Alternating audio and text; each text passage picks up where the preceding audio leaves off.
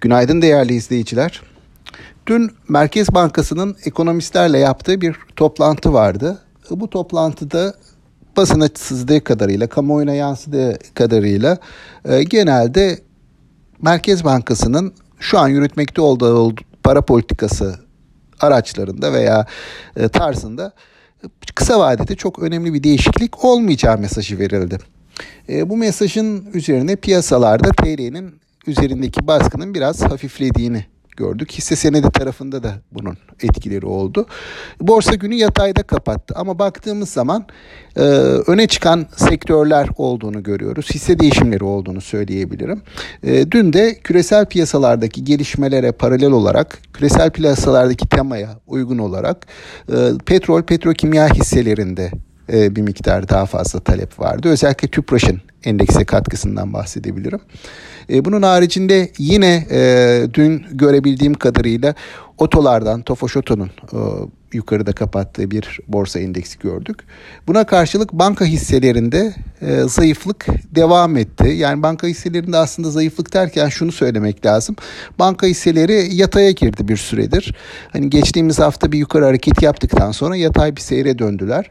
E, dün de çok hafif e, bir iki kademelik kar satışları vardı bankalarda. Dolayısıyla bunun etkisi kısmen yine demir çelik hisselerine gelen biraz kar satışı vardı.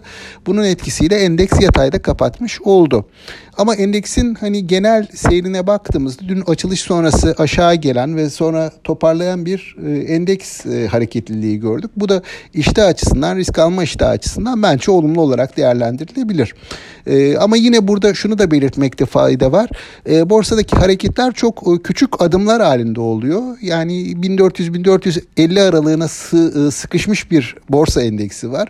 Dolayısıyla böyle genele yayılan ve geçmişte gördüğümüz e, o uzun süren rallileri andıran bir hareket yok. Daha çok hisse değişimleriyle hareket ettiğimizi söyleyebilirim. E, bugün Veri akışı açısından yoğun bir gün. Hem yurt dışı taraf hem yurt içi tarafta önemli veri e, akışları olacak.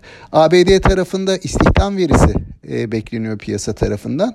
Bu istihdam verisi özellikle enflasyonun seyri ve Fed'in para politikasını öngörebilmek açısından çok önem taşıyor. Burada eğer piyasaların enflasyon konusunda endişe duyacağı rakamlar ortaya çıkarsa e, bir miktar kar e, satışları gelebilir yurt dışı tarafta.